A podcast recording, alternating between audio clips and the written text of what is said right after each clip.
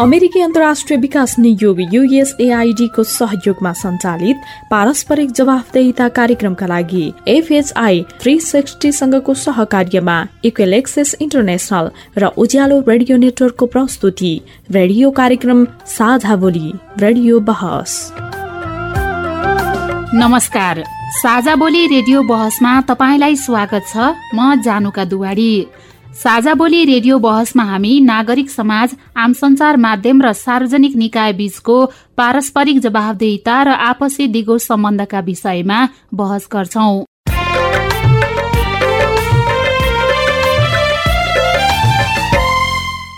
पारस्परिक जवाबदेहिताका क्षेत्रीय सवाल र परिवेश समेटेर तयार पारिएको साझा बोली रेडियो बहसको यो स्थानीय संस्करण हो।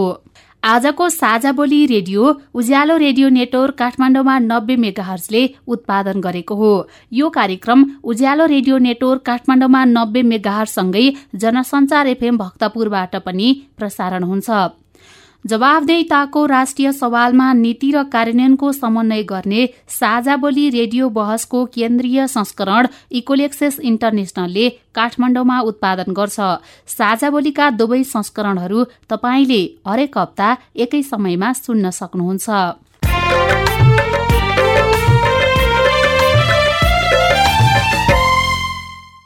साझा बोली रेडियो बहसको यस सत्रको यो स्थानीय संस्करणको आज तेह्रौं भाग हो।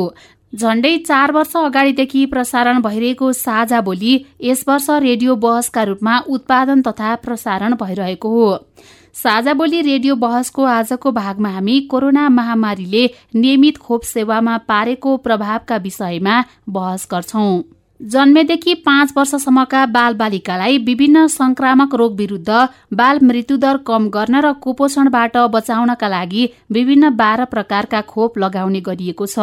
विक्रमसँग दुई हजार चौतिस सालदेखि बीसीजी डीपीटी लगायतका शुरू गरिएको खोपको नियमित अभियान अन्तर्गत अहिलेसम्म बाल बालिकालाई विभिन्न बाह्र प्रकारका खोप दिँदै आइरहेको छ। दुई हजार पैंतालिसमा बेसिजी र डिपिटी खोप सबै जिल्लामा लागू गरिएको थियो। दुई हजार साठीमा फेरि छ प्रकारका खोप हेपाटाइटिस भी निमोनिया जापानी इन्सेफ्लाइटिस लगायतका खोप दिन थालिएको हो। तर कोरोनाका कारण बालबालिकाको बाह्र प्रकारका खोपसँगै अन्य नियमित खोप कार्यक्रमहरू प्रभावित भएको छ। सरकार र विज्ञहरूले नियमित खोप कार्यक्रम प्रभावित हुँदा अर्को महामारी निम्तन सक्ने भन्दै चेतावनी दिँदै आएका छन्। आजको कार्यक्रममा हामी नियमित खोप कार्यक्रम प्रभावित हुँदा निम्तन सक्ने समस्याका विषयमा चर्चा गर्छौं। नियमित खोपमा बच्चालाई दाजुराको खोप दिन सक्दैनौँ पोलियोको खोप दिन सक्दैनौँ ढिपिटीको खोप दिन सक्दैनौँ भने ती रोगहरू फेरि फर्केर आउने सम्भावना हुन्छ यस्तै कार्यक्रममा तपाईँ सहभागीको प्रश्न र सुझाव पनि सुन्न सक्नुहुन्छ। टोल नै आइदियो भने राम्रो हुन्थ्यो। अब उता जाँदा हस्पिटल जाँदा अब कोरोनाको कारणले उता सर्छ बच्चालाई उता हुन्छ भनेर त भनिरहेका नै छन् साथै आजको कार्यक्रममा हामी नियमित खोप सेवा प्रभावित हुन नदिनका लागि पालिकाहरूले गर्दै आएका प्रयास र पहलका बारे पनि छलफल गर्छौ। हामी त्यो खोप कार्यक्रम त्यहाँ प्रभावित हुन्छ भने दुई दिन ढिला हुन्छ कि अथवा एक दिन पहिला गरेर हुन्छ कि त्यसरी त्यहाँ अल्टरनेटमा राखेर भए पनि हामीले चाहिँ खोप लगाएका छौँ। साझा बोली रेडियो बहस अमेरिकी अन्तर्राष्ट्रिय विकास नियोग युएसएआईडी मार्फत अमेरिकी जनताहरूको सहयोगका कारण सम्भव भएको हो।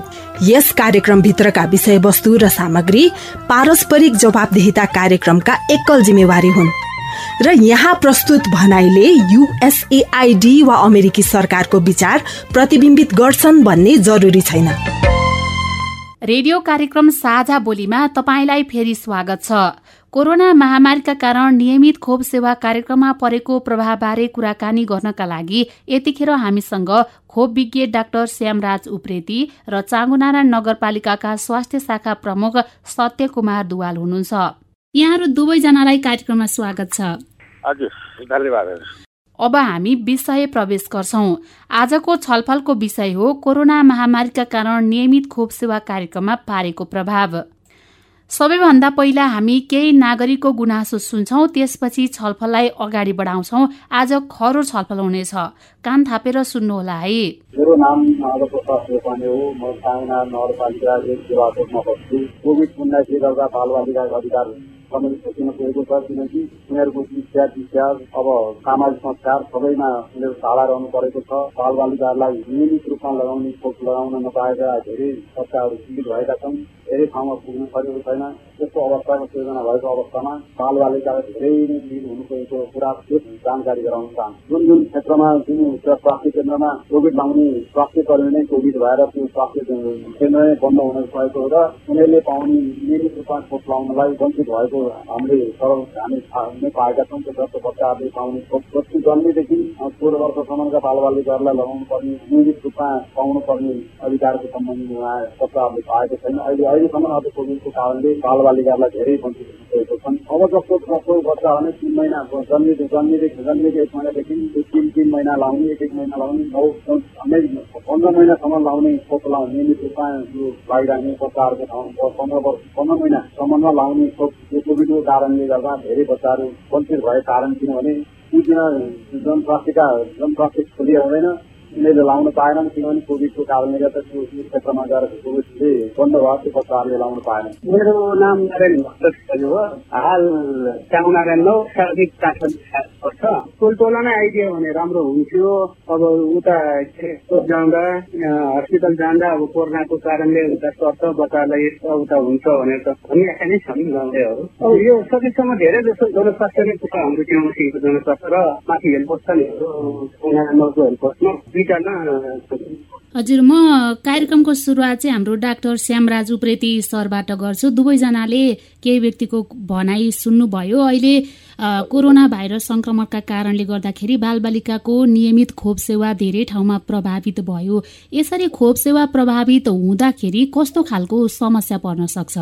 धन्यवाद। जुन अहिले नेपालमा जुन नियमित खोप कार्यक्रम जुन बच्चालाई खोप दिने कार्यक्रम छ अब विगतमा यसको इतिहास हेऱ्यो भनेदेखि चाहिँ अति राम्रो प्रभाव प्रभावकारी हिसाबले चलेको देखिन्छ। त्यही प्रभावकारी नियमित खोप भएको कारणबाट नेपालमा हामीले अब स्मल पक्स जस्तो रोगलाई हामीले चाहिँ विदाई गऱ्यौँ त्यसलाई उन्मूलन गऱ्यौँ। त्यसै गराले पोलियो दुई हजार दसदेखि जिरोमा छ। त्यसै दादुरा धनुषङ्कार धेरै रोगहरू हामीले नियन्त्रणमा लिएका थियौँ। र अहिले आएर जुन कोभिडको सुरु भइसकेपछि हामीले बुझेसम्म नियमित खोप कार्यक्रम सञ्चालन राम्रोसँग भएको छैन। त्यसमा दुईवटा कुरा छ।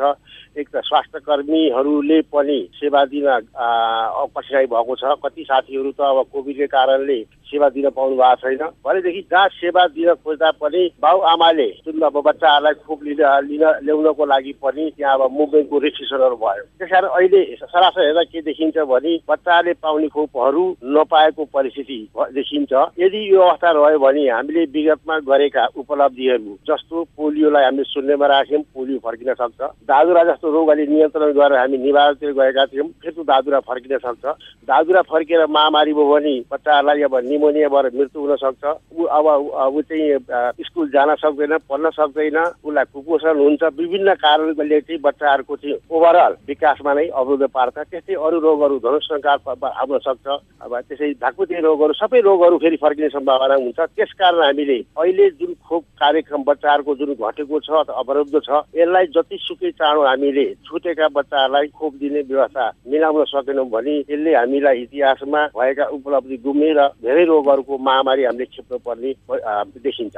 अहिले देशका कतिपय ठाउँहरूमा दादुराका बिरामीहरू पनि भेटिन थालेका भन्ने खबरहरू आइरहेका छन्। यो कोरोनाका कारणले गर्दाखेरि नियमित खोप सेवा प्रभावित हुँदाखेरि को परिणाम भन्न सकिन्छ यसलाई? एकदमै जब खोपको कभरेज घट्दै जान्छ रोग बढ्दै जान्छ।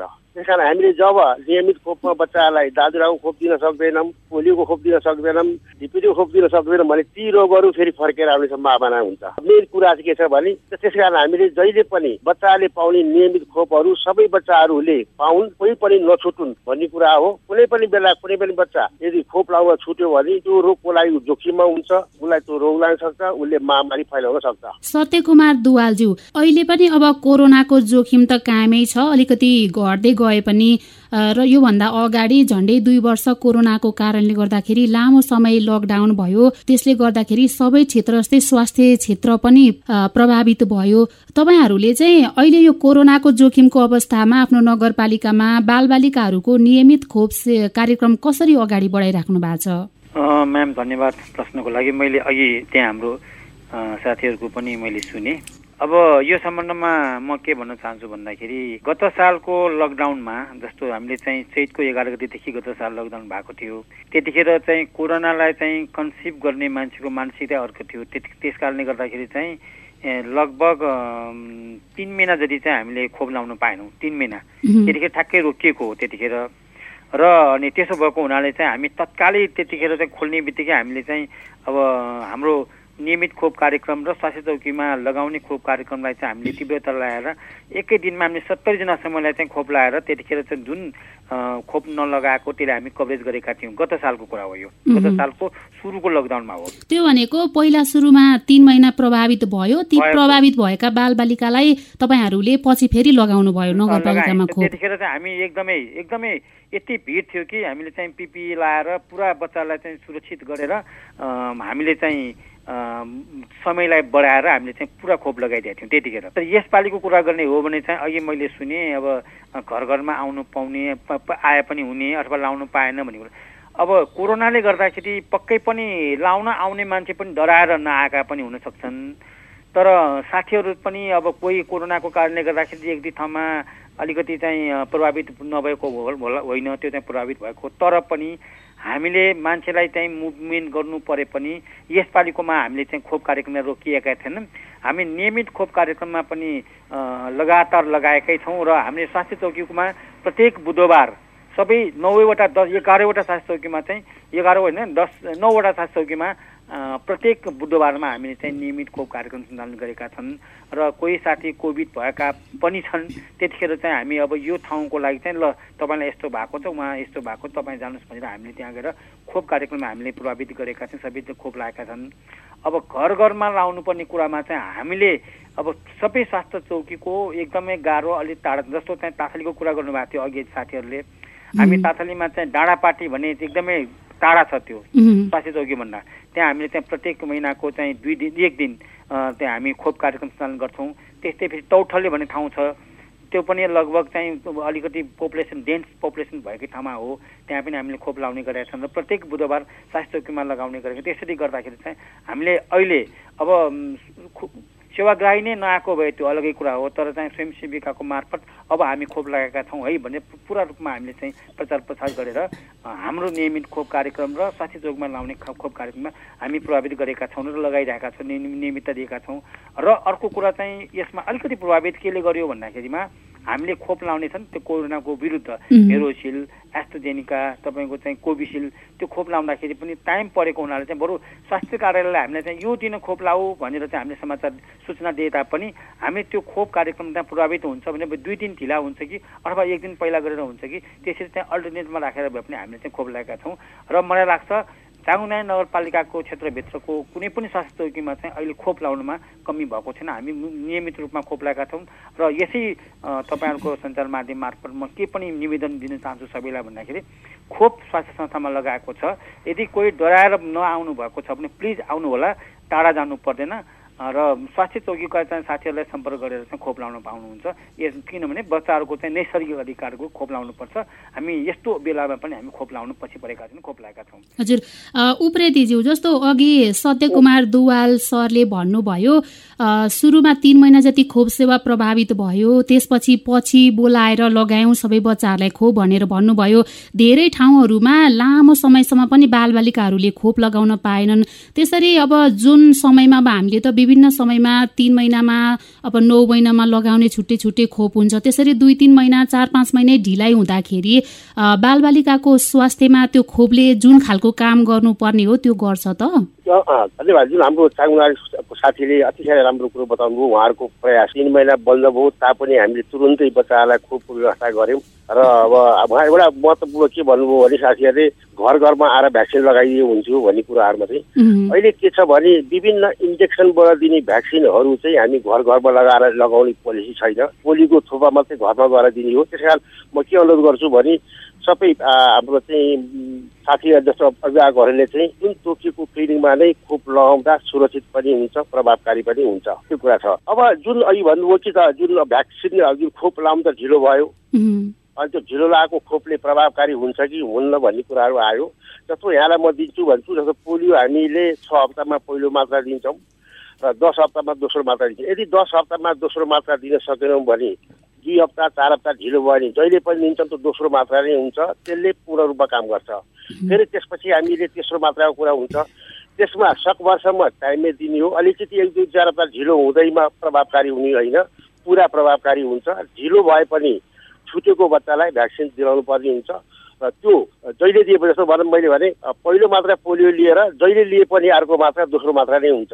दस महिनामा लिए नि बिस महिनामा लिए जहिले पनि त्यसै हुन्छ र प्रभावकारी पनि हुन्छ। त्यही कारण फेरि मैले के अनुरोध गरेँ भने जुन बच्चाहरू चाहिँ खोप लिनबाट छुटेका छन् उनीहरूले अवसर पाउने बित्तिकै उनीहरूले त्यो खोप लिइहाल्नुपर्छ र स्वास्थ्य संस्थाले पनि उनीहरूलाई जतिसक्दो चाँडो खोप दिएर पूर्ण खोप सुनिश्चित गर्नेतिर जानुपर्छ भन्ने मेरो कुरा हो। अझै पनि कसैको खोप छुटेको छ लामै समय भएको छ भने फेरि पनि लगाउँदा हुन्छ होइन? उहाँहरू गएर गरेर लगाउन सक्नुहुन्छ। एकदम लगाउनु पर्छ लगाउँदा पूर्ण प्रभावकारी हुन्छ। फेरि मात्रा दोहोऱ्याउनु पर्दैन। फेरि पहिलो मात्रा लगाएको छ भने फेरि पहिलो मात्राबाट सुरु गर्नु पर्दैन। पहिलो मात्रा आएको छ भने जहिले लगाए दोस्रो मात्रा हुन्छ। दुवाज्यू जस्तो यहाँहरूले नियमित खोप कार्यक्रम सञ्चालन गरिराख्नु भएको रहेछ एक हिसाबले यो राम्रो कुरा पनि हो। अब कतिपय व्यक्तिले अघि गुनासो गर्नुभयो घर घरमा आएर खोप लगाइदिनु भएको भए हुन्थ्यो। अलिकति समस्या भयो भनेर तपाईँहरूको बस्तीबाट स्वास्थ्य संस्थाहरू अथवा खोप लाउने केन्द्रहरू कतिको टाढा छन् अनि तपाईँहरूले नागरिकलाई सूचना दिँदाखेरि कसरी सूचना प्रवाह गर्ने गर्नु भएको छ यसमा यस्तो छ। जस्तो अब यो खोप भनेको त अहिले हिजो भर्खर चलेको होइन होइन? यो त लगभग धेरै सालदेखि नै चलिरहेको हो। मलाई लाग्छ प्रत्येक आमालाई गर्भवती र सुत्केरी भइसके किनभने सुत्केरी गर्भवतीमा पनि ओटिटी लाउन आउँछ हेल्थ पोस्टमा होइन अनि हाम्रो चाहिँ यो नियमित खोप कार्यक्रम भन्ने के छ भने एउटा स्वास्थ्य संस्था स्थापना त्यो स्वास्थ्य संस्थाबाट चाहिँ अलिक टाढा ठाउँमा चाहिँ हाम्रो चाहिँ नियमित खोप कार्यक्रम भनेर फेरि अर्को एउटा चाहिँ संस्था ठाउँ राख्छौँ क्या त्यसलाई। प्रत्येक स्वास्थ्य संस्थामा दुई ठाउँ दुई दुई ठाउँमा छ मिनिमम स्वास्थ्य संस्थाबाट चाहिँ अलिक आउन गाह्रो हुने मान्छे गाह्रो हुने भएको हुनाले स्वास्थ्य संस्थाको अलिक टाढा भेगमा चाहिँ हामी प्रत्येक महिनाको दुई दिन जस्तो प्रत्येक महिनाको एक र दुई दिन नियमित खोप तिन दिनसम्म पनि राख्छौँ। त्यसपछि प्रत्येक बुधबार फेरि स्वास्थ्य संस्थामा राख्छौँ। भनेपछि कुनै पनि वडामा त्यस्तो किसिमको मान्छेलाई चाहिँ आउन गाह्रो हुने टाढा हुने चाहिँ त्यस्तो पर्दैन। घर दैलो जस्तो नै हो त्यो। त्यसरी छौँ जस्तो अघि पनि हजुरलाई मैले भने स्वास्थ्य तातले स्वास्थ्य चौकी वडा नम्बर नौमा चाहिँ डाँडापाटी भन्ने छ एकदम टाढा छ त्यो। त्यो ठाउँबाट स्वास्थ्य चौकी आउन एक घन्टा लाग्छ मान्छेलाई। त्यो भएको हुनाले हामी डाँडापाटीमा स्वास्थ्य चौकीको के अरे सरी के अरे एउटा चाहिँ क्लिनिक भनेर स्थापना गरिसकेका छौँ। हाम्रो वडा कार्यालय नगरपालिकाले बनाएर हामीले चाहिँ बनाइरहेका छौँ। प्रत्येक हप्तामा गाउँघर क्लिनिक भन्ने पनि चल्छ त्यहाँ। नियमित खोप कार्यक्रम भन्ने पनि चल्छ त्यहाँ। स्वास्थ्य चौकीका साथीहरू जानुहुन्छ। त्यस्तै त्यहाँ टौथले भन्ने ठाउँमा पनि छ। त्यहाँ पनि डेन्स पपुलेसन अघि पनि भने त्यहाँ छ। भनेपछि स्वास्थ्य संस्थामा मात्र आउनलाई गाह्रो हुनेलाई त्यो अति आवश्यक। गर्भवती सुत्केरीको लागि चाहिँ हामीले दुई दुई ठाउँमा यसरी राखेका छौँ। प्रत्येक महिनाको दुई दुई दिन तिन तिन दिन अझ चार दिनसम्म चल्छ। खोप दुई दिन दुई दिन चल्छ गाउँघर क्लिनिक दुई दिन चल्छ भनेपछि त्यो भनेको चाहिँ चौकीमा आउनलाई कुनै गाह्रो होइन मलाई लाग्छ। त्यो एकदमै चाहिँ सुलभ ठाउँ हो त्यो। एउटा कुरा त्यो त्यो त्यो कारणले गर्दाखेरि घर घरमा आब जानु आवश्यक छैन। र स्वास्थ्य स्वयंसेविकाहरूलाई पनि सबै महिला स्वास्थ्य स्वयंसेविकाहरूले गर्भवती को भएका छन् र छुटकेरी को भएका छन् उनीहरूले एक एक उनीहरूले हिसाब किताब गरे हुन्छ र यिनीहरूलाई पनि खबर दि दिइरहेको हुन्छ। त्यस कारणले गर्दाखेरि हामीले चाहिँ अब म्याकिङ गरेर खोप लाउन आऊ भन्नुपर्ने आवश्यकता छैन सबैलाई थाहा छ। र अर्को कुरा चाहिँ जस्तो खोप चाहिँ अब घर घरमा लाने हाम्रो त्यो खोप भनेको ठ्याक्कै कति तापक्रममा चाहिँ उसलाई सञ्चय गर्नुपर्छ त्यो तापक्रममा सञ्चय गर्नुपर्ने हुन्छ। हामीले त्यहाँ भ्याक्सिन क्यारेर हामी फ्रिजमा डब्लुएचओले रिकमेन्ड गरेको फ्रिजमा हामी स्वास्थ्य चौकीमा राखेर हामीले त्यसलाई चाहिँ खोपलाई चाहिँ हामी प्रिजर्भ गरिराखेको हुन्छ। अब लानु पऱ्यो भने त्यो ठाउँमा लानु पऱ्यो भने हामी चाहिँ अरू अर्को भ्याक्सिन क्यारियर हुन्छ। हामीले चाहिँ भ्याक्सिन क्यारियरमा चाहिँ तपाईँको त्यो खोपको चाहिँ पानी मिसिएको हुन्छ एउटा चाहिँ त्यसलाई आइस प्याक भन्छ। आइस प्याक राखेर त्यसले लैजान्छौँ त्यो। त्यो भनेको तपाईँको चाहिँ एक दिनलाई मात्र काम दिन्छ त्यो। भनेपछि अब घर घरमा लाने त्यो घर घरमा गएर पोलियो थोपा खुवाए जस्तो लगाउन सम्भव छैन। र त्यस कारणले गर्दा भ्याक्सिनको पोटेन्सीलाई बचाउनलाई पनि हामीले चाहिँ त्यो जहाँ पाए त्यहाँ लान मिलेन। निश्चित जहाँ तोकेको त्यो ठाउँमा मात्र लाउनुपर्छ। र जनतालाई सबैलाई चाहिँ थाहा छ कि यो खोप यहाँ यहाँ पाइन्छ यो यहाँ लाउँछ भन्ने कुरा थाहा थाहा छ। त्यो घर घरमा गएर लानु किन र अहिलेसम्म हामीले गरिरहेको सबै स्वास्थ्य चौकीमा चाहिँ कम्तीमा पनि दुई ठाउँमा चाहिँ हाम्रो चाहिँ एकदम गाडा टाढा परेको ठाउँमा चाहिँ हामी राखेका छौँ। कसैलाई गाह्रो छैन। त्यो मलाई लाग्छ त्यो घर घर दैलो सेवा जस्तै हो त्यो। अब अहिले यो खोप लगाउन छुटेकाहरू पनि आफूलाई पाए पर्ने ठाउँमा जुनसुकै दिनमा पनि गएर लगाउन सम्भव छैन। एकदम एकदम एकदम। उप्रेतीज्यू जस्तो कोरोना भाइरसको डरको कारणले गर्दाखेरि कतिपय अभिभावकहरूले आफैले खोप लगाउनलाई बच्चाहरूलाई स्वास्थ्य संस्थासम्म अथवा खोप केन्द्रसम्म नलगेको पनि पाइएको छ जस्तो पालिकाहरूले सञ्चालन नै गरिरहे पनि। त्यस्तो अवस्थामा चाहिँ अब नगरपालिकाहरूले कसरी जनचेतना फैलाउनु पर्छ उहाँहरूलाई अब फेरि पनि कोरोनाको जोखिम त एकदमै कम भइसकेको अवस्था त छैन जोखिम त कायमै छ अझै पनि बढ्न सक्ने अवस्था छ। के छ भने अहिले स्वास्थ्य मन्त्रालयको नीतिमा के छ भने जब हामी क्लिनिक सञ्चालन गर्छौँ त्यसमा जनस्वास्थ्यका मापदण्डहरू पुरा अप्नाउने भौतिक दूरी कायम गर्ने र बारम्बार हात धुने कुराहरू अरू सेनिटाइज युज गर्ने मास्कको प्रयोग गरेर क्लिनिक सञ्चालन गर्ने भन्ने त निर्देशिका आइसकेको छ। र त्यो संसार सञ्चालन गर्नको लागि चाहिँ नेपाल सरकारले आवश्यक सामग्रीहरू पनि सप्लाई गरेको जानकारीमा छ। दोस्रो कुरो हामीले पालिकाले हामीले जुन बालबालिका अभिभावकलाई सम्झाउनु परेको खोपको के महत्त्व हो? खोप नदिएमा के हुन्छ? र खोप लिन आउनुहोस् खोप लिन आउँदा तपाईँले यो है जनस्वास्थ्य मापदण्ड अप्नाएर आउनुहोस् हामी खोप दिन्छौँ भन्ने किसिमको चाहिँ उनीहरूलाई कन्फिडेन्स अथवा विश्वास। हामीले यदि बेला अभिभावकले यदि जनस्वास्थ्यका मापदण्ड अप्नाएर गयो भने पनि कोरोनाबाट पनि बचिन्छ बच्चाले पनि भ्याक्सिन पाउँछ भन्ने कुराहरू चाहिँ त्यो स्थानीय लेभलमा जनमानसमा विश्वास पैदा गर्न पनि जरुरी हुन्छ। त्यो मैले देखेको छु।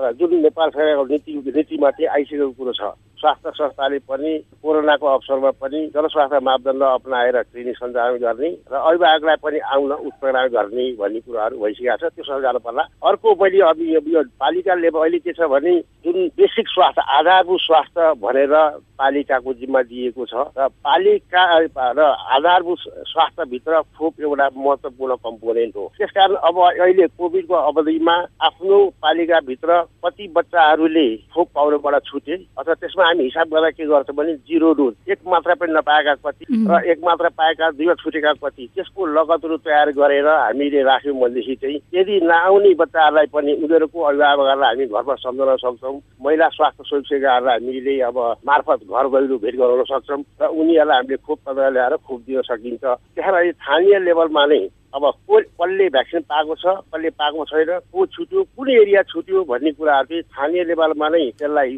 चेकिङ गरेर अनि खोप सेसनहरू सञ्चालन गर्नु राम्रो होला। त्यसको साथसाथै हामीले जनचेतना वृद्धि गर्ने अभिभावकहरूलाई खोपको महत्त्व राम्रोसँग बुझाउनु पर्यो। रोग लाग्यो भने के हुन्छ कति खतरा हुन्छ र भ्याक्सिन दियो भने कति सुरक्षित भइन्छ। यी कुराहरू उहाँहरूको मनस्पाटलाई हामीले कन्भिन्स गर्न सक्यौँ भने उहाँहरू बच्चाहरू लिएर आफ्नो बच्चा लिएर खोप लिन आउन सक्नुहुन्छ। मेरो विचारमा यो यसरी लाग्छ।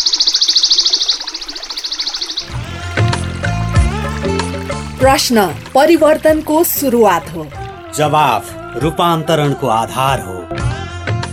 प्रश्न आविष्कारको जननी हो। जवाफ सुशासनको परिणाम हो। त्यसैले प्रश्न सोधौं जवाफ खोजौं। तपाईँले हामीलाई पैसा नलाग्ने नम्बरमा फोन गरेर आफ्ना कुराहरू भन्न सक्नुहुन्छ। एनसेल प्रयोग गर्नुहुन्छ भने अन्ठानब्बे शून्य पन्ध्र एकहत्तर शून्य उन्तिसमा फोन गर्न सक्नुहुन्छ। एनटिसी प्रयोग गर्नुहुन्छ भने सोह्र साठी शून्य एक शून्य शून्य चार पाँच नौमा फोन गर्न सक्नुहुन्छ।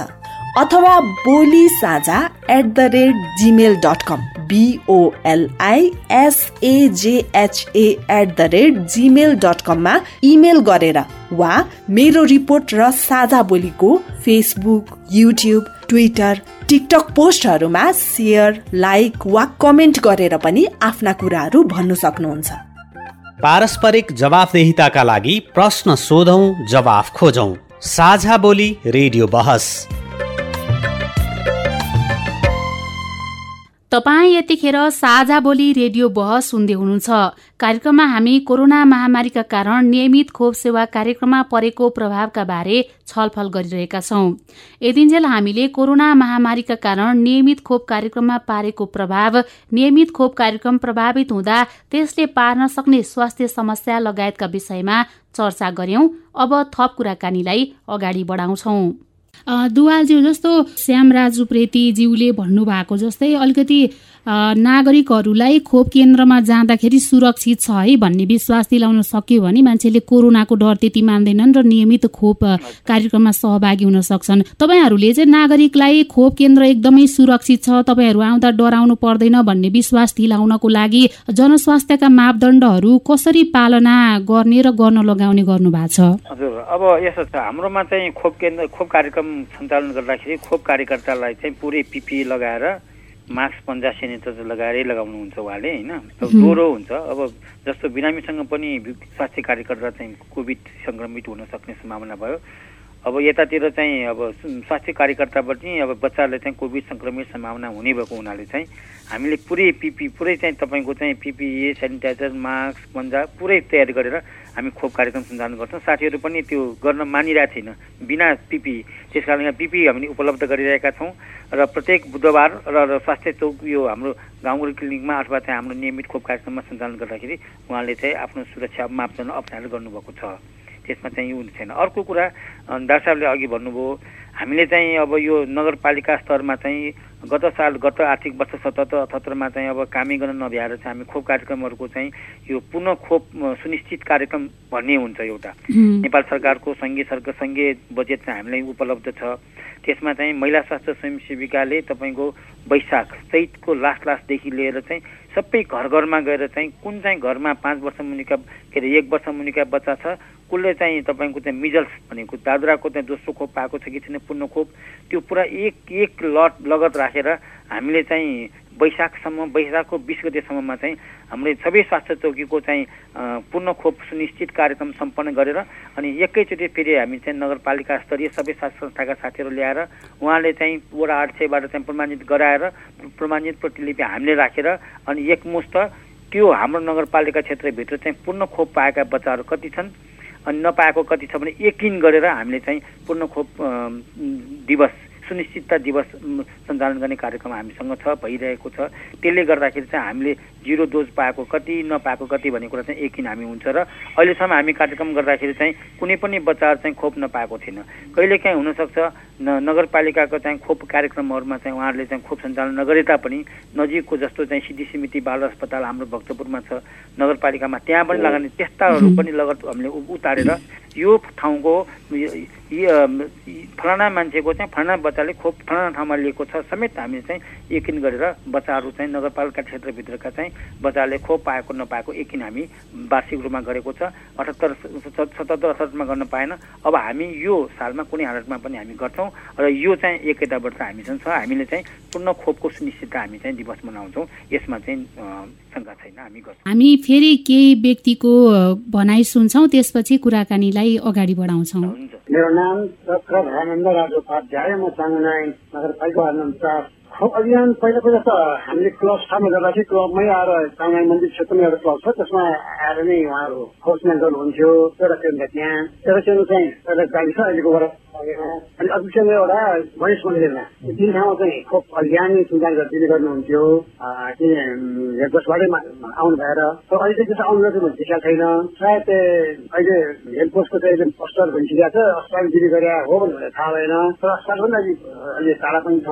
र बच्चाहरू बोकेर त्यहाँसम्म जाँदाखेरि अब कोरोनाको डर पनि त्यति हुने हुनाले सायद त्यहाँ पनि भएको छैन कि जस्तो लागेको त्यति सहज चाहिँ हो जस्तो मलाई लागेन। छैन चाहिँ ठोल्ठोलमै दिने अझ देश होला उहाँले चाहिँ त्यहाँ सिस्टम बनाउनु भन्दा सब भिड भइरहेको छ बच्चा देखेर अब हिँडेर त्यहाँ जान गाह्रो पनि हुन्छ टोटल पञ्चायत टोटलमै केन्द्र स्थापना गरेर दिनु अझ देश होला के सबै सेवाको चाहिँ हस्पिटलमै काममा लगाइराख्नु भएको छ पुग्यो जस्तो लाग्यो हजुर मेरो हरेराम दुलाल हजुर कोरोनाले खासै असर गरेन भन्नु पर्यो होइन त्यसले गर्दाखेरि स्वास्थ्य चौकी पनि नजिकै भएको होइन? लगभग पाइप पर्ने लगभग भेटिए हिसाबले पाइप पर्ने ठाउँ नै छ एउटा उप स्वास्थ्य केन्द्र भनेर पनि माथि पनि एउटा स्थापना गरे हुनाले त्यस्तो अप्ठ्यारो हुन पाएन हजुर। सुचिँदै छन् अब अहिले तपाईँको लगभग भनौँ न अब अहिले तपाईँको सोसियल मिडियाहरूले गर्दाखेरि प्रायः कुराहरू सोसियल मिडियामा पनि प्रत्येक घरमा सोसियल मिडिया त चलाउने मान्छे एकजना भएको हुनाले लगभग भनौँ न सबैजना सबैजना उसमै छन् लाग्छ मलाई। हजुर दुवालजी जस्तो पछिल्लो सहभागीको अनुसार चाहिँ उहाँलाई अलिकति अपडेट भइराख्नु भएको रहेछ त्यति समस्या छैन भन्ने कुरा गर्नुभयो। अघिल्लो सहभागीले चाहिँ जस्तो हामीले सुरुमा राखेको भनाइ जस्तै टोल टोलमा आएर लगाइदिएको भए हुन्थ्यो अथवा अलिकति अनभिज्ञता जस्तो अहिले कता लगाइरहेछ कुनै त्यति थाहा भएन भन्ने जस्तो कुरा गर्नुभयो। थोरै प्रस्ट्याइदिनुहोस् न उहाँको कुरालाई। अब यस्तो छ यदि म चाहिँ यही तपाईँहरूको सञ्चार माध्यमबाट के भन्न चाहन्छु भने हामीले रेगुलर इम्युनाइजेसन साइट जस्तो अब नगरकोटमा छुट्टाछुट्टै छ छालिङमा छुट्टाछुट्टै छ तपाईँको चाहिँ यो चाङ्गुको कुरा गर्नु चाङ्गुमा पनि छुट्टाछुट्टै छ चाङ्गुको चाहिँ खोरिया गाउँ भन्ने ठाउँमा एउटा छ एउटा चाहिँ नारायणटारमा पनि छ। यदि नियमित खोप कार्यक्रममा कुन गति आउनुपर्ने हो त्यो आएको नआएको पाइयो भने सिधै नगरपालिकामा चाहिँ स्वास्थ्य शाखामा सम्पर्क गरेर हामी कम्प्लेन गर्न सक्नुहुन्छ एउटा कुरा। किन भन्दाखेरि हामीले हाम्रो स्वास्थ्य कार्यकर्ताहरूलाई खोप कार्यकर्ताहरूलाई चाहिँ यो तपाईँको खोप केन्द्रमा खोप लगाउने बापत हामी प्रत्येक महिनामा उहाँहरूलाई चाहिँ हामी के अरे हामी नगरपालिकैबाट पहिला चाहिँ स्वास्थ्य मन्त्रालयबाट चाहिँ केही सहुलियत दिन्थ्यो। त्यो कुरा चाहिँ यसपालिदेखि हामीले नगरपालिकैबाट चाहिँ उहाँहरूलाई चाहिँ जाति आटे जातिको लागि हामी केही सुविधाहरू दिएका छन्। त्यस कारणले गर्दाखेरि म सबै महानुभावलाई के अनुरोध गर्न चाहन्छु यदि सुनिरहनु भएको छ भन्दाखेरि यो नियमित खोप कार्यक्रममा चाहिँ सम्बन्धित स्वास्थ्य संस्थाबाट चाहिँ आउनु भएन छ भने अथवा कथम कदाचित आउनु भएन भने सिधै त्यो स्वास्थ्य संस्थामा पनि सम्पर्क गर्नुहुन्छ र हामीलाई पनि यो ठाउँमा यो यो मितिमा चल्नुपर्ने आएको छैन भनेर हामीलाई खबर आयो भने चाहिँ आउनु आयो भने हामी त्यो सम्बन्धित ठाउँमा के के कारणले नगएको हामी त्यो गर्छौँ र त्यसलाई चाहिँ हामी नियमितता गर्नु नियमितता दिनको लागि हामी तत्परै छौँ। तर मलाई लाग्छ अब कोही कोही मान्छेहरू आफ्नो घरमा सानो बच्चा छ भनेदेखि आमाहरूलाई चाहिँ त्यो खोले नखोलेको यकिन थाहा हुन्छ।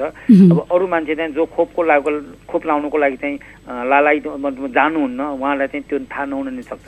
र त्यो जुन ठाउँमा खोप केन्द्र छ त्यो वरपरको मान्छेसँग हामी सोध्न पाएदेखि उहाँले आए नआएको यकिन हुन्छ। र कथम कदाचित नभएको छ भने चाहिँ त्यसलाई हामीले मतलब चाहिँ त्यसले निरन्तरता दिनुको लागि हामी हामी गर्छौँ। यसमा चाहिँ हामी दुई मत छैन हामी गरिदिन्छौँ। र कतिको कथम कुनै कुनै ठाउँमा चाहिँ कुनै महिनामा को कुनै दिन दिन चाहिँ नआउन नै सक्छ।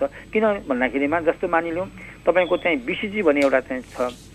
बिसिजी लाउने मान्छे मात्र छ भनेदेखि एउटा बिसिजी त्यहाँ गएर एउटालाई फुटाउन अलिकति गाह्रो भएको हुन्छ। त्यस्तो मान्छेलाई चाहिँ सिधै स्वास्थ्य संस्थामा सम्पर्क गरेर अरू पनि आएका हुन्छन्। त्यतिखेर चाहिँ हामी एउटा खोप बिसिजी भने दसजनाको लागि एउटालाई खोलिसकेपछि नौजना खेर जान्छ। अनि त्यस्तो अवस्था भएको बेलामा कहिले काहीँ नजान सक्छ तर पनि त्यो जानै पर्छ। साथीहरू त्यस्तो नगएको देखियो थाहा पाइयो भने हामी त्यसको लागि निरन्तरता दिनु साथीहरूलाई चाहिँ हामी सल्लाह दिन्छौँ हामी चाहिँ निर्देशन दिन्छौँ। उप्रेतीज्यू जस्तो चाँगुनारायण नगरपालिकामा त्यति धेरै समस्या नभए पनि कतिपय नगरपालिकाहरूमा र देशका विभिन्न ठाउँहरूमा चाहिँ अलिकति खोप सेवा प्रभावित भएको भन्ने कुराहरू आए र सामान्य अवस्थामा पनि क्षयरोग विरुद्ध लगाइने बिसिजी खोप पन्चानब्बे प्रतिशत बालबालिकाको पहुँचमा मात्र छ भनेर भनिन्छ र कोरोनाको पहिलो लहरमा पचास प्रतिशतभन्दा धेरैले खोप लगाउन पाएनन् भन्ने तथ्याङ्कहरू पनि सार्वजनिक भए। अब यसरी समुदाय स्तरमा खोप नलगाउनेको सङ्ख्या बढ्दै गयो भने त्यसले दीर्घकालीन रूपमा कस्तो खालको समस्या निम्ति आउला? धेरै महत्त्वपूर्ण प्रश्न भयो। यो त्यसो भने अहिले जुन कोरोना सुरु भइसकेपछि अहिले जुन दुवालजीले त भन्नुभयो चाङ्गुनारमा हामीले तिन महिना लकडाउन पछि पनि भ्याक्सिनेसन चलायौँ भने धेरै पालिकाले त्यो गर्नुभएको होला। तर ओभरअल हेर्दा चाहिँ अधिराज्यभरि नै यो कोरोनाको कारणबाट नियमित खोप कार्यक्रम अवरुद्ध भएको छ र खोप सेसन सञ्चालन पनि घटेको छ र खोप सञ्चालन भए पनि अभिभावकहरूले बच्चालाई लिएर जाने स्थिति नभएको देखेको हुनाले चाहिँ खोप खोपको कभरेज कम छ। अब यो भयो भने के हुन्छ भन्दाखेरि के छ भने हामीले दुई हजार नब्बेदेखि नेपालमा यो नियमित खोप कार्यक्रमहरू बच्चाहरूलाई खोप लगाउने कार्यक्रम सुरु गरेको हो। त्यसलाई हेर्दै जानु भने अहिलेसम्म हामीले खोपकै कारणबाट खोपकै कारणबाट हामीले धेरै रोगहरूलाई चाहिँ हामीले नियन्त्रणमा ल्याइसकेका छौँ। र कतिलाई अहिले उन्मूलन गरेपछिमा छौँ। जस्तो दाजुरा जस्तो एकदम खतरनाक रोगलाई हामीले नियन्त्रणमा ल्याएको छौँ। अहिले पहिलेको तुलनामा अहिले अहिले दाजुराको रोग धेरै कम छ। त्यस्तै धनुष्टङ्कार होला त्यस्तै गएर अब भ्याकुते रोगहरू यी विभिन्न रोगहरूलाई हामीले पोलियो दुई हजार दसदेखि हामीले सुनेका छौँ। किन त्यसलाई हामीले शून्यमा राख्न सक्यौँ किन नियन्त्रण गऱ्यौँ भन्दा चाहिँ हामीले जन्मेका बच्चाहरूलाई नियमित रूपमा पुनः खोप दिँदै गयौँ। त्यो भएर भएको यदि कुनै पनि बेला अब बच्चाले खोप पाएन भने यी पुराना नियन्त्रण भएका रोगहरू फेरि बलिएर आउँछ। फेरि महामारी हुन्छ फेरि बच्चाहरू बिरामी हुने स्कुलमा जान नसक्ने रोगको कारणबाट कुपोषण हुने घरमा अब पारिवारिक हिसाबमा धेरै अब आर्थिक नोक्सानी हुने यी कुराहरू आउँछ सक्छ त्यस अहिलेको परिस्थितिमा यो खोप कार्यक्रमलाई हामीले अति नै महत्त्वपूर्ण बनाएर प्रायोरिटीमा राख्नुपर्छ र प्रत्येक पालिकाले प्रत्येक वार्डले अथवा सङ्घीय सङ्घमा पनि यो अहिले छुटेका बच्चाहरू कोभिडको कारणबाट यो अवरुद्ध भएका क्लिनिकहरू तुरुन्त सञ्चालन गरेर चाहिँ हामीले बच्चाहरूलाई खोप दिलाउनुपर्छ। अन्यथा हामीले गरेका उपलब्धि नष्ट हुने र फेरि महामारीहरू र बालमृत्युहरू बढ्दै जाने कुराहरू हुन सक्छ।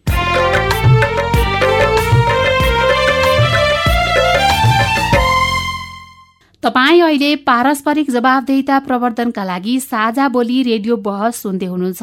साझा बोली रेडियो बहसमा अहिले हामी कोरोना महामारीका कारण नियमित खोप सेवा कार्यक्रममा पारेको प्रभाव कोरोना महामारीसँगै खोप कार्यक्रमलाई अगाडि बढाउनका लागि हुने गरेका चुनौती समस्या लगायतका विषयमा छलफल गरिरहेका छौं। हामीसँग छलफलमा हुनुहुन्छ चाँगुनारा नगरपालिकाका खोप शाखा प्रमुख सत्य कुमार दुवाल र खोप विज्ञ डाक्टर श्यामराज उप्रेती। अब फेरि हामी कुराकानीलाई जोड्छौं।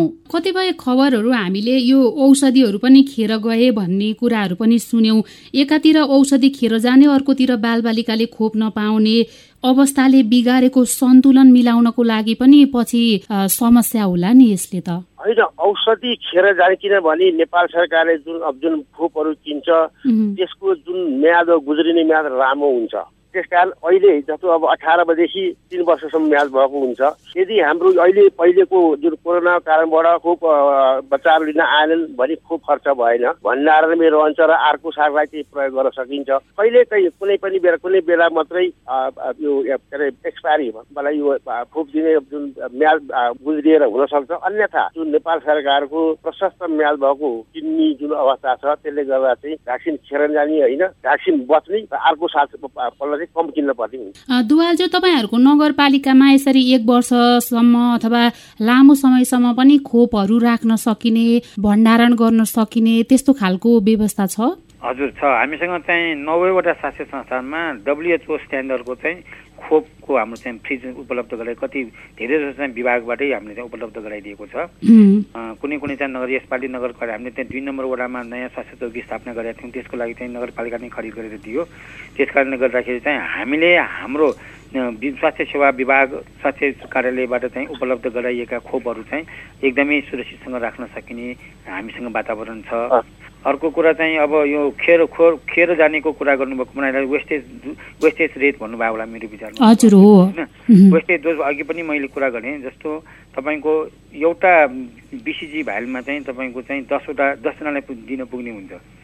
अनि एउटा मात्र पनि तपाईँको चाहिँ बिसिजी लाउन हाम्रो चाहिँ बालबालिका आउनुभयो भने चाहिँ त्यसले खोप पाउनुपर्ने नैसर्गिक अधिकार हो। त्यस कारणले गर्दाखेरि हामी चाहिँ त्यसलाई चाहिँ हामी खोप लाउनुपर्छ। एउटा दिएर अर्को लगालग आयो भने चाहिँ हामी अब जस्तो अर्को फेरि चाहिँ समस्या कहाँ छ त भने त्यो खोपको भ्याल खोलिसकेपछि तपाईँको छ घन्टाभित्रमा लगाइसक्नुपर्छ। त्यसो भएको हुनाले चाहिँ हामीले चाहिँ खोपको चाहिँ वेस्टेज रेटलाई घटाउनको लागि हामीले के गरेका छौँ भन्दाखेरि कुनै पनि स्वास्थ्य संस्थानमा चाहिँ सकेसम्म त्यो स्वास्थ्य संस्थाको अन्तर्गतको वडाको अन्तर्गतको चाहिँ विशेष लाउने कति बच्चाहरू छन्। त्यो स्वयंसेविकासँग चाहिँ हामी नाम लिन्छौँ। अनि यदि चाहिँ एकैपटक जस्तो महिनाको एकचोटि मात्र खोल्यो भने चाहिँ सबै एकै चारजना जति मात्र सट्टा आयो भने चाहिँ हाम्रो चाहिँ पाँचवटा मात्र छवटा मात्र खेर गयो। यो तरिका अप्नाएर पनि हामी चाहिँ यो बिसिजीको वेस्टेज दरलाई चाहिँ हामीले घटाइरहेका छौँ। यसलाई यो अर्को चाहिँ यो मल्टी डोज भन्ने हुन्छ। त्यो भनेको चाहिँ तपाईँको एकचोटि एकचोटि खोलेर फेरि अर्को समयलाई पनि काम लाग्ने छ। त्यस्तो किसिमको चाहिँ अब भएको जस्तो पोलियो डिपिटी होइन त्यस्तो चाहिँ हाम्रो चाहिँ त्यो हुन्छ त्यो। विशेष र मिजल्स चाहिँ त्यो एकदमै वेस्टेज हुन जान्छ वेस्टेज हुन्छ। किनभने त्यो खोलेको छ गनामा त्यो खेर जान्छ त्यस्तोमा चाहिँ अलिकति बढेको। त्यही पनि हामीले चाहिँ के गर्दा हुन्छ? कम यत्रो महँगो औषधि चाहिँ कसरी जोगाउन सकिन्छ भन्ने कुरा चाहिँ हामीले चाहिँ स्वास्थ्य संस्थाका सबै साथीहरूलाई हामी छलफल गरेर मिटिङमा हामीले चाहिँ छलफल गरेर यस्तो किसिमबाट चाहिँ बिसिजी र मिजर्सको डोजलाई चाहिँ खेर जाने रेट घटाउनको लागि हामी प्रयासरत छौँ प्रयास गरिरहेका छन्।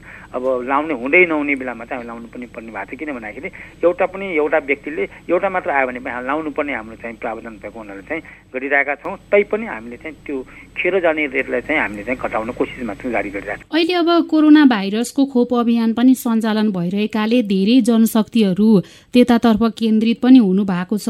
अझै पनि कतिपय अभिभावकमा डर पनि छ। कोरोनाको डर उत्तिकै छ। अब डराइ डराई खोप लगाउन आए पनि मनमा त्यो डर हटिसकेको अवस्था छैन। फेरि पनि अब यो खोप अभियान स्थगित हुन्छ कि अथवा फेरि लकडाउन कोरोना महामारी फेरि फैलिएर खोप आपूर्तिमै समस्या भएर आफ्ना बालबालिकाले लाउन नपाउने हो कि भन्ने चिन्ता अभिभावकहरूमा पनि अझै कायम पनि छ। यस्तो अवस्थामा अब चाँगु नारायण नगरपालिकामा नियमित खोप सेवा प्रभावित नभइकन अगाडि बढ्नको लागि यहाँहरूले कसरी पहल गर्नुहुन्छ? अब यसमा छ यस्तो छ। अहिले एक त मान्छेले चाहिँ पहिला कोरोनालाई कस्तो रूपमा लिन्छ अहिले कोरोना कस्तो रूपमा लिएको छ भन्ने कुरा चाहिँ तपाईँहरू हामी सबैलाई थाहा छ होइन? पहिलाको कस्तो रूप भयावह भयावहको रूपमा लिन्छ तर अहिले चाहिँ त्यति सिरियस लिएकै छैन होइन? तर तैपनि हामीले चाहिँ सबै व्यक्तिहरूलाई चाहिँ अब यो सामाजिक दूरीका कुराहरू अनि सेनिटाइजरका कुराहरू सबलाई हामीले चाहिँ अब प्रचार प्रसार पनि गरेका छन् प्रचार प्रसार पनि भइरहेको छ स्वास्थ्य संस्थामा पनि त्यही अनुपातमा हाम्रो गइरहेको छ। तर प्रत्येक एउटा घरमा बच्चालाई खोप लाउने मान्छेले चाहिँ अब स्वास्थ्य संस्थामा कति के छ भने त्यो पनि जानकारी छ। उहाँहरू पनि अब त्यस्तो किसिमको छैन र खोप सङ्क्रमित भएका हाम्रो स्वास्थ्यकर्मीलाई चाहिँ काममा लगाएका पनि छैनौँ। जस्तो हस्पिटलमा चाहिँ दसैँ दिन हुने बित्तिकै हामीले चाहिँ काममा लाउँछौँ तर हामी चाहिँ स्वास्थ्य संस्थामा काम गर्ने साथीहरू चाहिँ लगभग नेगेटिभै भएपछि मात्र चाहिँ आउनुभएको छ। अहिले चाहिँ अब लगभग स्वास्थ्य संस्थामा कुनै पनि स्वास्थ्य कार्यकर्ता चाहिँ अहिले अहिले चाहिँ एक दुईजना चाहिँ हुनसक्छ। एकदम कम छ। र हामी कहाँ चाहिँ सुरुको यो दोस्रो लहर भन्ने बेलामा चाहिँ धेरै आएका थिइन् र अहिले चाङनारायणमा चाहिँ नगरपालिकाभरि दिनमा चाहिँ चारजना दुईजना चारजना दुईजना त्यस्तो किसिमको मात्र इन्फेक्सन रेट त्यो भएको हुना चाहिँ अब त्यति सङ्क्रमित सङ्क्रमित मान्छे धेरै छैन। र भएकालाई हामीले चाहिँ फोन मार्फत पनि अब यसरी चाहिँ बस्नुपर्छ भनेर चाहिँ उहाँलाई हामी आइसोलेसनमा बस्नुपर्ने भएको कुराहरू चाहिँ हामी भनिरहेका छौँ। त्यो डर छैन। र कथम कदाचित कोही त्यस्तो डराएको छ भने पनि डराउनु पर्दैन। आउनुहोस् हामी सुरक्षितका साथ उहाँहरूको बच्चालाई हामी खोप सेवा उपलब्ध गराइदिन्छौँ उप्रेतीज्यू अब अन्त्यमा यो बाल बालिकाहरूको नियमित खोप कार्यक्रम कुनै पनि अवस्थामा अवरुद्ध हुन नदिनको लागि कसको भूमिका के हुनु पर्ला मलाई के लाग्छ भने अहिले जुन नियमित खोप कार्यक्रमको लागि नेपाल सरकारको स्रोत प्रशस्त छ एनएफ स्रोतहरू चाहिँ परिचालन गरेको छ जनशक्ति छ हामीसँग स्ट्रक्चर छ भ्याक्सिन भण्डारण गर्ने र ट्रान्सपोर्ट गर्ने सिस्टम एकदम बलियो सबै कुरो उपलब्ध छ। अब के छ भने स्थानीय लेभलमा नै हामीले आफ्नो क्षेत्रभित्रका बच्चाहरूलाई कसरी प्रभावकारी हिसाबले उनीहरूलाई चाहिँ भ्याक्सिन दिनु भन्ने कुराहरू चाहिँ महत्त्वपूर्ण कुरा छ। त्यहाँ म अघि नै मैले भनेको थिएँ किन यो खोप भनेको आधारभूत स्वास्थ्यमा आउँछ। आधारभूत स्वास्थ्यमा बढी अलिकति मेहनत स्थानीय निकायले गर्नुपर्छ जस्तो लाग्छ।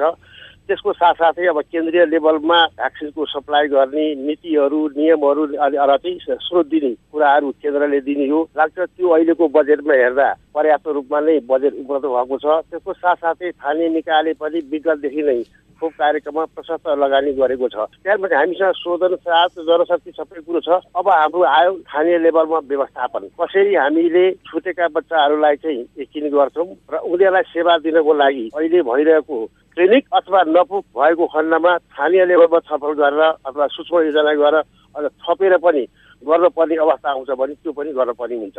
किनभने कुन बच्चा छुटेको छ कहाँ बच्चा छुट्टी चाहन्छ भन्ने कुरो यो स्थानीय स्तरकै ज्ञान हो। त्यहीँको योजनामा त्यहीँको लिडरसिपमा त्यहीँको अप्रोचमा नै यो बढी प्रभावकारी हुन्छ भन्ने मेरो मेरो चाहिँ विचार हो। छलफलमा सहभागी भइदिनु भयो। यहाँहरू दुवैजनालाई धेरै धन्यवाद।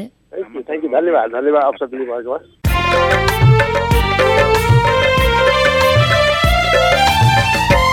हामी साझा बोली रेडियो बहसको अन्त्यमा आइपुगेका छौँ। साझा बोली रेडियो बहसबारे मनका कुरा भन्नका लागि एनटिसीको मोबाइल वा ल्यान्डलाइन फोन प्रयोग गर्नुहुन्छ भने सोह्र साठी शून्य एक शून्य शून्य चार पाँच नौमा फोन गर्न सक्नुहुन्छ। एनसेल प्रयोग गर्नुहुन्छ भने अन्ठानब्बे शून्य पन्ध्र एकहत्तर शून्य उनातिसमा फोन गर्नुहोला। यी नम्बरहरूमा फोन गरेको पैसा लाग्दैन र प्राप्त निर्देशन अनुसार प्रश्न सोध्न सकिन्छ। पारस्परिक जवाबदेहिताबारे आफूले देखे सुने या भोगेका कुनै कुरा लेख मार्फत व्यक्त गर्न चाहनुहुन्छ वा अरूका लेखहरू पढ्न चाहनुहुन्छ भने डब्लु डट मेरो रिपोर्ट डट नेट लगइन गर्न सक्नुहुन्छ। साझा बोली रेडियो बहस तपाईँले मेरो रिपोर्ट वेबसाइट पोडकास्ट च्यानल र सामाजिक सञ्जालहरूमा पनि सुन्न सक्नुहुन्छ।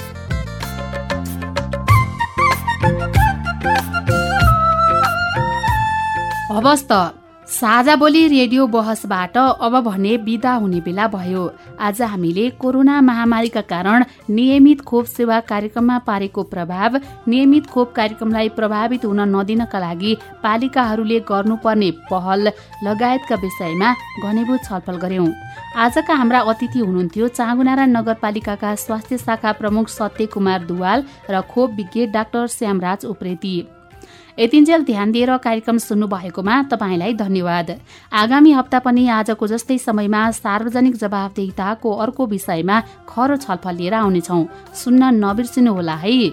आजको कार्यक्रमबाट म जानुका दुवाडी विदा भए। नमस्कार।